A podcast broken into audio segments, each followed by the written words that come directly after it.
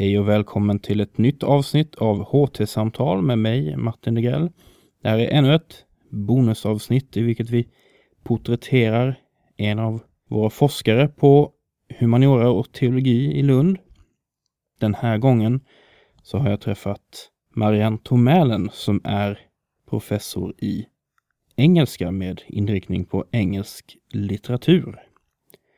Hon har inte så hemskt lång tid kvar i sin tjänst som professor. Hon går i pension nu till sommaren. Och därför tyckte jag att det kunde vara på sin plats med att prata lite med henne om hur hon hamnade där hon hamnade och vad hon tänker ägna sig åt nu när pensionen snart står för dörren. Så här kommer mitt samtal med Marianne Tormälen. Vad heter du och vad gör du här på universitetet? Jag heter Marianne Tormälen och jag är professor i engelska, särskilt engelskspråkig litteratur. Och det har jag varit i ungefär 20 år och det kommer jag vara i två månader till. Sen går jag i pension. Och hur, eh, hur hamnade du här? Hur hamnade du i Lund? Jag hamnade i Lund därför att jag är bleking. Min mor hade läst i Lund. Det skulle ju alltid bli Lund. Det var aldrig tal om någonting annat. Och den engelska litteraturen, ja, den hamnade jag i därför att jag förälskade mig i den som 13-åring och jag minns precis hur det gick till. Och framförallt den engelska poesin. Och det är fortfarande egentligen min mammas gata trots att jag har sysslat mycket med prosa. Och hur, hur, vad var det då som 13-åring som väckte detta? Om du, om du säger A får du säga B. Ja, det får jag nog göra. Jo, um, mina föräldrar var lärare och de hade en lärarkollega, en engelsman som var ifrån Guernsey. Och jag blev sådär flickaktigt kär i honom och han eh, gav mig The Penguin Book of English Verse. Och jag började läsa den. Och jag läser den fortfarande. Vad härligt! Vilket fint, det är ett jättefint minne. Ja, det är det faktiskt. Ja, så då var det alltid, det var alltid fråga om Lund och det var alltid då direkt det ämnet? Ja, ja det har aldrig varit något annat. Om man då spolar framåt ett antal år, hur blir man då professor? Hur, hur, liksom, hur hamnar man där? Ja, det är verkligen en tillfällighet. Jag skulle för det första inte bli eh, akademiker överhuvudtaget. Det var inte min mening att jag skulle doktorera. Jag skulle läsa en grundexamen och sen skulle jag bli översättare. Men när jag skrev min trebetygsuppsats om engelsk litteratur så tyckte professorn Claes Schar att jag borde försöka mig på att doktorera och han välkomnade mig till sitt doktorandseminarium och jag började gå i det och så var jag fast. Men inte ens när jag disputerade trodde jag egentligen att jag skulle komma att ha en akademisk karriär. Jag hade tur, det blev en docentur ledig, det var en typ av anställning som fanns på den tiden. Och eh, just som det var vid det tillfället så var konkurrensen inte så stor så att jag kunde få den. Eh, och jag var docent i sex år och sen omvandlades min anställning till, ja det blev ett lektorat av det så småningom, så på den vägen var det. Och hur kunde det då bli så att jag blev professor? Tja, um, Marilyn Monroe ska ha sagt någon gång att det fanns många andra unga kvinnor i Hollywood som var mycket bättre än hon och mycket vackrare än hon. But I wanted it more. Och när jag hade kommit så här långt eh, så att jag blev forskare och var docent och så vidare. Then I wanted it. Jo, då ville jag bli professor.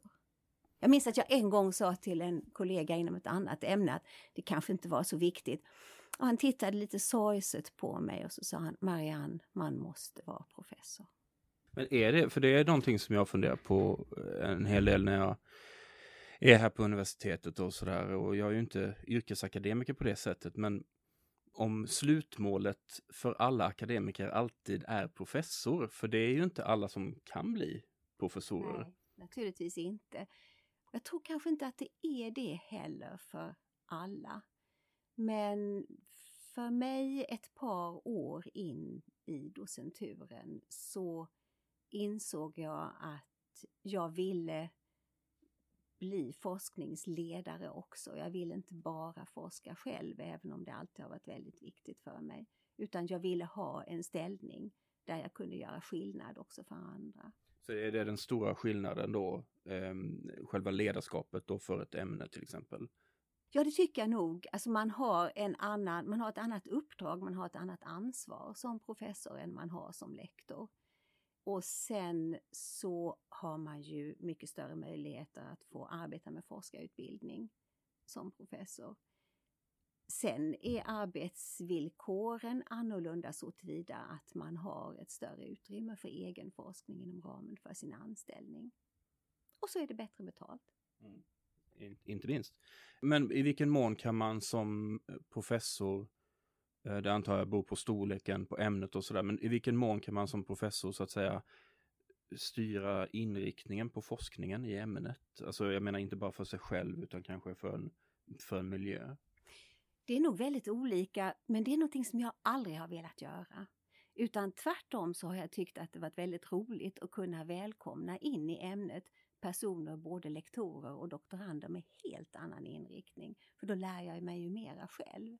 Och jag är skeptisk mot den uppfattning som man ofta stöter på att vi i Sverige, vi är så små på våra institutioner, vi har så små ämnen så vi ska liksom renodla en viss inriktning. Det tror jag är livsfarligt.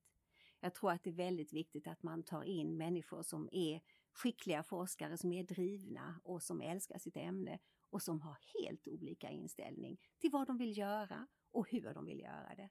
Det syresätter hela miljön hela tiden. Men finns det inte, och jag tycker ofta man hör sådär att att olika ämnen har olika inriktningar på olika ställen. Till exempel, nu hittar jag på någonting här nu, men mm.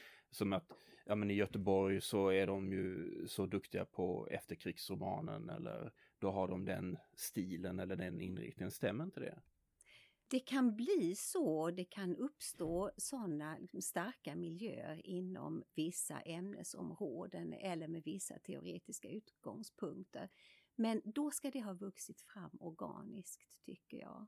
Och när man anställer lektorer och man rekryterar och när man tar in nya doktorander, då tycker jag att eh, man ska glädjas åt att få in personer som vill göra någonting annat som kan berika miljön. Så länge det inte blir en clash av eh, vetenskapliga mm, attityder och ideologier, för det är inte så lyckat det kan vara svårt att lösa. Hur, hur ser en typisk arbetsdag ut för en, en professor i engelsk litteratur? Om det finns en typisk arbetsdag? Det gör det inte. Ehm, men den börjar nästan alltid på samma sätt. Den börjar i e-posten någon gång mellan 6 och 7.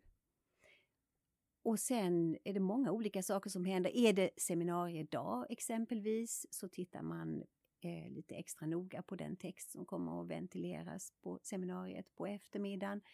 Man kan ha undervisning och då handlar allting om det. Man kan sitta en hel dag i olika möten och diskutera olika policyfrågor inom och utom ämnet. Så att ingen dag är egentligen den andra lik. Och det är ju en del av charmen med jobbet. Jag kan ju avslöja för lyssnarna här att vi har ju samarbetat en del under åren här och, och jag vet att vid något tillfälle så har du sagt något i stil med att ja men som mest nytta med mail och sånt här, det gör man ju typ så här 5, 6, 7 på morgonen. Och jag, jag alltid studsar alltid till vid det där. Är du, är du en morgonmänniska på det sättet att du får mycket gjort på morgonen? Ja, alltså jag håller med dem som säger att en timme före klockan 12 är värd två timmar efter. Eh, morgonstund har guld i mun, absolut. Mm. Nu då avslöjade du lite tidigare att du är på väg då att eh, pensioneras om ett par månader. Mm. Forskare, går de egentligen i pension? Ja, de gör det rent eh, tekniskt mm. antar jag, men det är ju inte så att du kommer att lägga pennan och boken på hyllan, utan vad händer, vad händer sen så att säga? Dels kommer jag att på deltid sköta om det nystartade Lund University Press. Eh, och så har jag tre doktorander som jag hoppas kunna handleda till disputation inom ett år. Men sen kommer jag att ägna mig åt forskning och i större utsträckning än vad jag har gjort de senaste åren. Det ser jag mycket fram emot.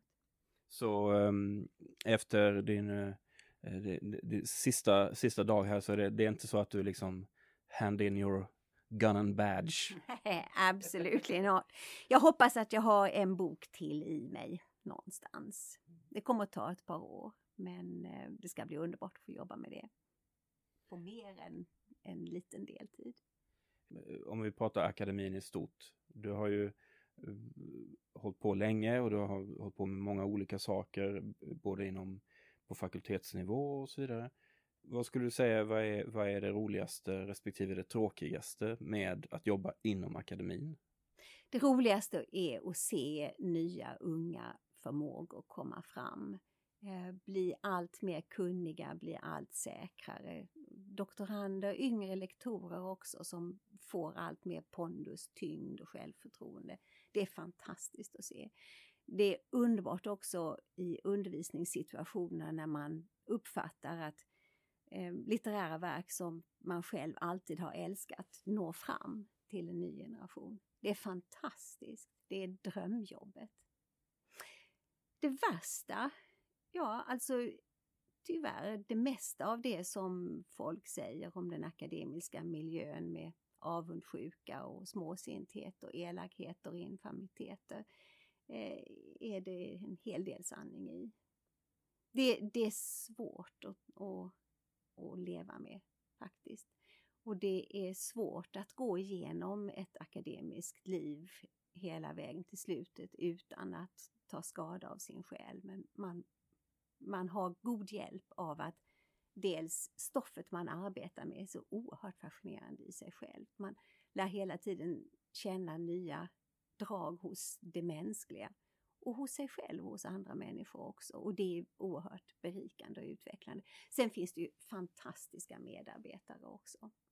Men detta att vi lever i en miljö där man hela tiden värderar och kritiserar och bedömer eh, Eh, och har ett karriärperspektiv också. Det inbjuder lätt till att man tittar snett på varandra. Det blir avundsjuka och det blir jämförelser och hur kunde hon få detta och hon är ju inte så bra som jag och så vidare.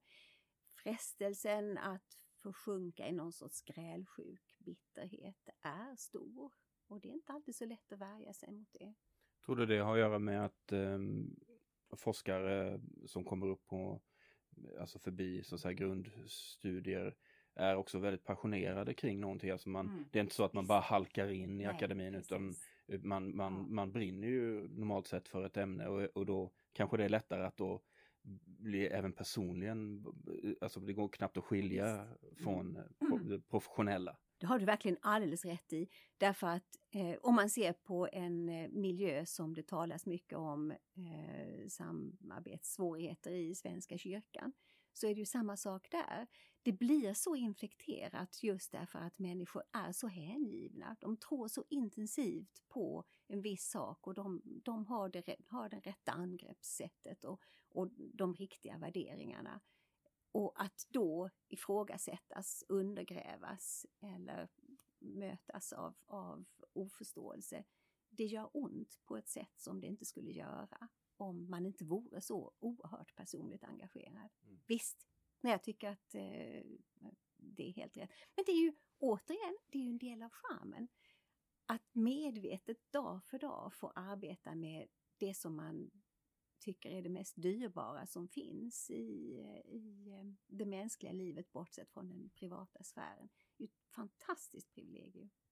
Så vad kommer du att, sakna mest? Nu, nu kommer du kunna fortsätta skriva böcker och så vidare, men vad är det du kommer att sakna mest när du går i pension? Jag kommer att sakna seminariet. Det har varit en fantastisk miljö. Det är underbart att få arbeta med doktorander och lektorer. Och det kan väl hända att jag kan få fortsätta att gå, i, i gå dit. Men eh, det blir min efterträdares sak att bedöma hur närvarande han eller hon tycker att jag ska vara. Men eh, seminariet, att, inte, att inte gå till seminariet en, en onsdag, eh, det kommer jag att aktivt sakna. Jag älskar mitt seminarium. Jag är säker på att du kommer vara välkommen där även i, även i framtiden. Tack så hemskt mycket Marianne för att du ville prata med mig en liten stund här.